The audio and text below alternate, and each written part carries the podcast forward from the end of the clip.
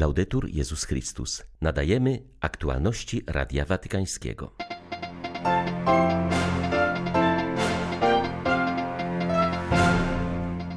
Papież Franciszek przyjął w Watykanie przedstawicieli jednego z największych portugalskich ruchów młodzieżowych o charakterze maryjnym. Młodych zachęcił do zacieśniania więzi z dziadkami i dbanie o rodzinne korzenie.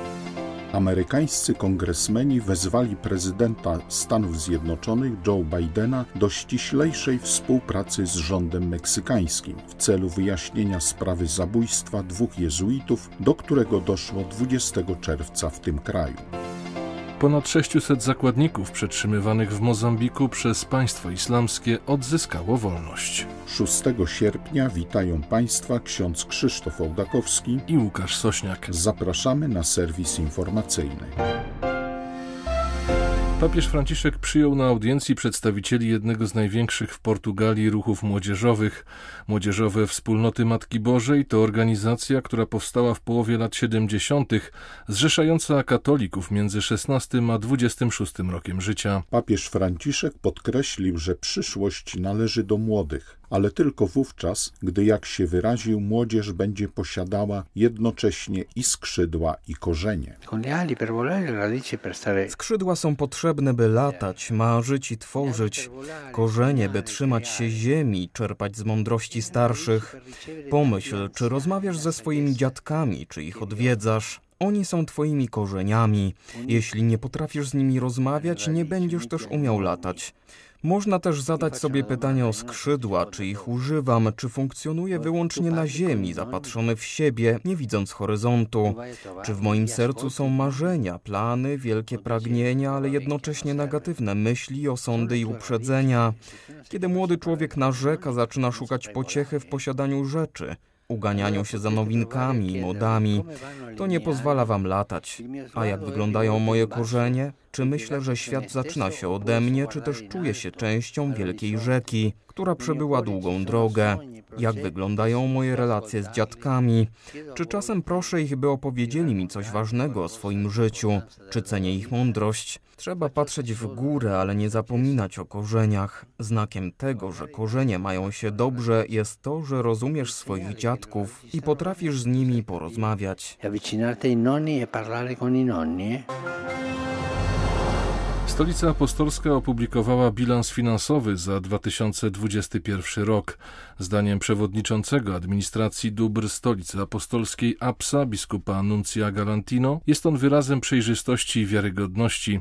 Stanowi to niezbędny warunek pozyskania zaufania wszystkich, którzy powierzają Kościołowi środki, dzięki którym może on realizować swoją misję bilans jednego z najważniejszych urzędów finansowych Watykanu, który między innymi zarządza inwestycjami finansowymi i nieruchomościami należącymi do sekretariatu stanu, wskazuje na nadwyżkę ponad 8 milionów euro, mimo trudności spowodowanych pandemią. Biskup Galantino zauważa, że perspektywy na kolejny rok wciąż są niepewne z powodu wojny na Ukrainie. Zwraca uwagę, że APSA w poprzednich latach sporządziła bilans, który był poddawany analizie i kontroli, Brakowało natomiast przedstawienia go opinii publicznej. Biskup Nuncio Galantino został zapytany, na ile nowa konstytucja apostolska o reformie kurii rzymskiej ukierunkowuje działania APSY. Konstytucja Predicate Evangelium zdecydowanie przeorientowała wszystkie działania kurii rzymskiej na jedyną misję Kościoła, którą jest ewangelizacja. Dlatego również my, jako APSA, musimy stale pamiętać, że poprzez to, co robimy, jesteśmy powołani do ewangelizacji.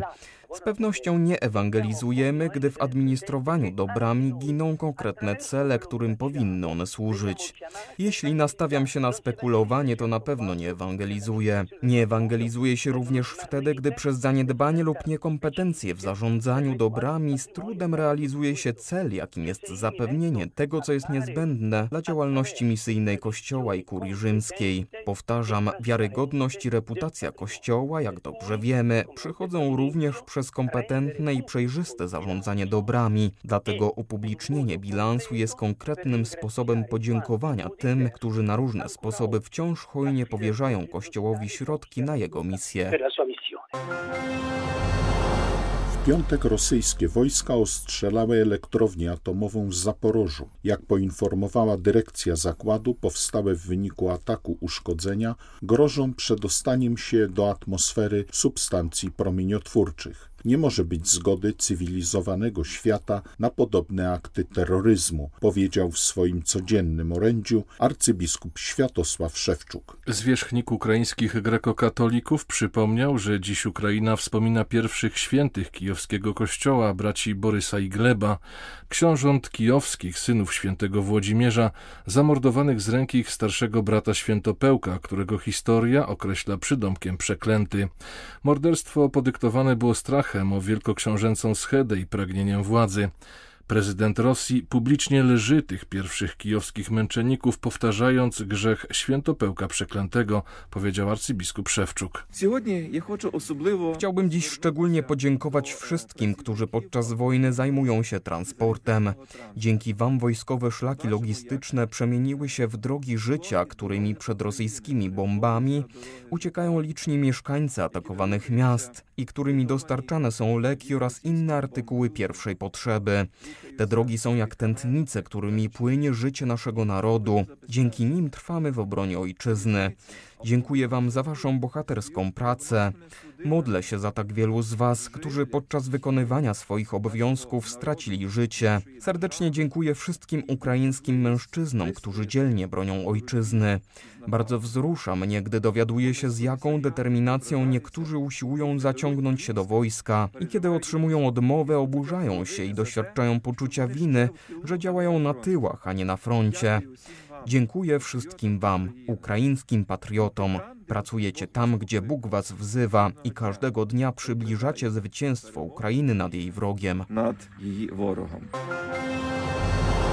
77 lat temu na Japonię zostały zrzucone bomby atomowe. Pierwsza zniszczyła Hiroshimę dokładnie 6 sierpnia. Trzy dni później kolejny ładunek spadł na Nagasaki. Konflikt na Ukrainie przypomina nam, że broń jądrowa jest realnym zagrożeniem, powiedział Radiu Watykańskiemu ekspert w dziedzinie rozbrojenia Maurizio Simoncelli. Jak przyznał, w strategiach wielu państw nadal istnieje możliwość użycia bomby atomowej, stąd nadal wisi nad nami widmo samozniszczenia ludzkiej cywilizacji.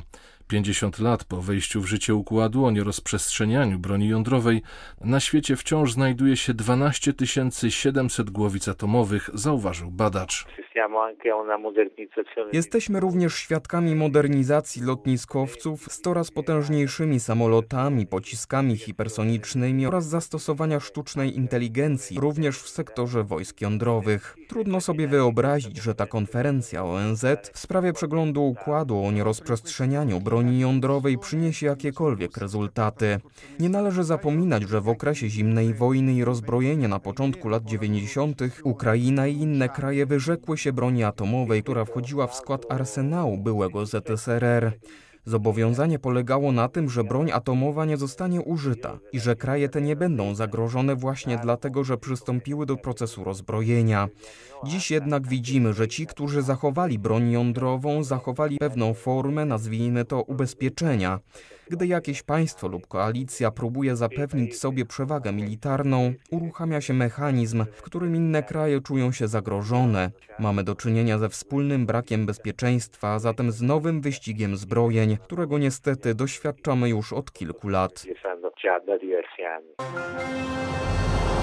Członkowie Kongresu Stanów Zjednoczonych wysłali list do prezydenta Joe Bidena w sprawie zamordowania 20 czerwca w Meksyku dwóch jezuitów wezwali go do ścisłej współpracy z rządem meksykańskim w celu zapewnienia szybkiego i pełnego wyjaśnienia sprawy zabójstwa. Zachęcili go także do wdrożenia polityki mającej na celu powstrzymanie fali przemocy. Jak napisali demokraci, zamach na życie zakonników jest emblematyczny w kontekście szalejącej w Meksyku przemocy, która nęka wiele regionów kraju i zbiera niszczące żniwo wśród meksykańskiego narodu. Członkowie duchowieństwa są szczególnie narażeni na przemoc, ponieważ służą społecznościom ubogim, w których przestępczość jest najbardziej rozpowszechniona. Działają również jako mediatorzy pokoju, pośrednicząc w sporach między gangami w regionach pozbawionych obecności rządu, stwierdzili w liście politycy. Z tych powodów ponad 30 księży zostało zabitych w Meksyku w ciągu ostatniej dekady, a wiele z tych morderstw pozostaje niewyjaśnionych, podkreślono. Jezuici Xavier Morales i Joachim Salazar zostali zamordowani 20 czerwca wraz z przewodnikiem turystycznym Pedro Palmą w swojej parafii w Sierra Tarahumara. Napastnicy zastrzelili go na terenie należącym do kościoła, następnie zakonników, którzy próbowali mu pomóc. Zabójstwa jezuitów wywołały oburzenie w meksykańskim kościele, który wezwał prezydenta kraju do zrewidowania polityki bezpieczeństwa. Biskupi zorganizowali również dni modlitwy i pamięci o ofiarach przemocy oraz nawrócenie sprawców.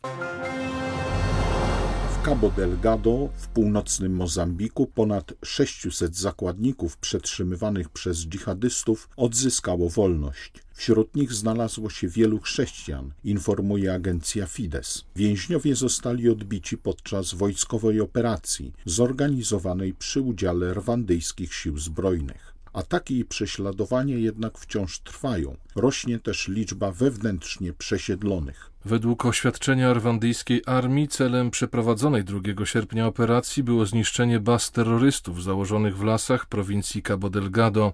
Przy okazji żołnierzom udało się uwolnić zakładników przetrzymywanych przez radykałów z państwa islamskiego.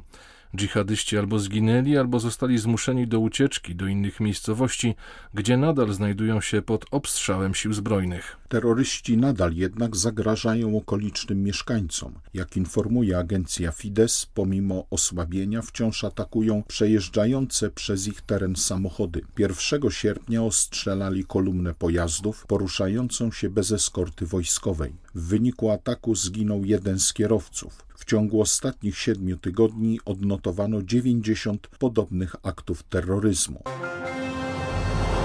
Trwają przeprawy migrantów przez Morze Śródziemne.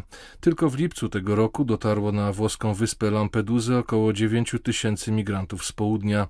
Pracujący tam od trzech lat wolontariusz z organizacji Mediterranean Hope, Giovanni D'Ambrosio, zauważa, że wyspa nie dysponuje odpowiednimi warunkami, aby być centrum pobytu dla kobiet w ciąży, nowonarodzonych dzieci, ofiar gwałtu i przemocy. Ludzie ci wymagają specjalistycznej opieki i leczenia. D'Ambrosio stwierdza, że Europejczyków charakteryzuje globalizacja obojętności, wyrażająca się w zawinionej ignorancji dotyczącej losu migrantów w krajach pochodzenia, dramatów przeżywanych na pustyni i na morzu. Rozwiązaniem byłoby zwiększenie ilości korytarzy humanitarnych i sprawna relokacja. Nade wszystko jednak potrzeba zmiany perspektywy spojrzenia na migrantów, aby nie widzieć w nich jedynie problemu, ale wyzwanie wynikające z obrony praw człowieka.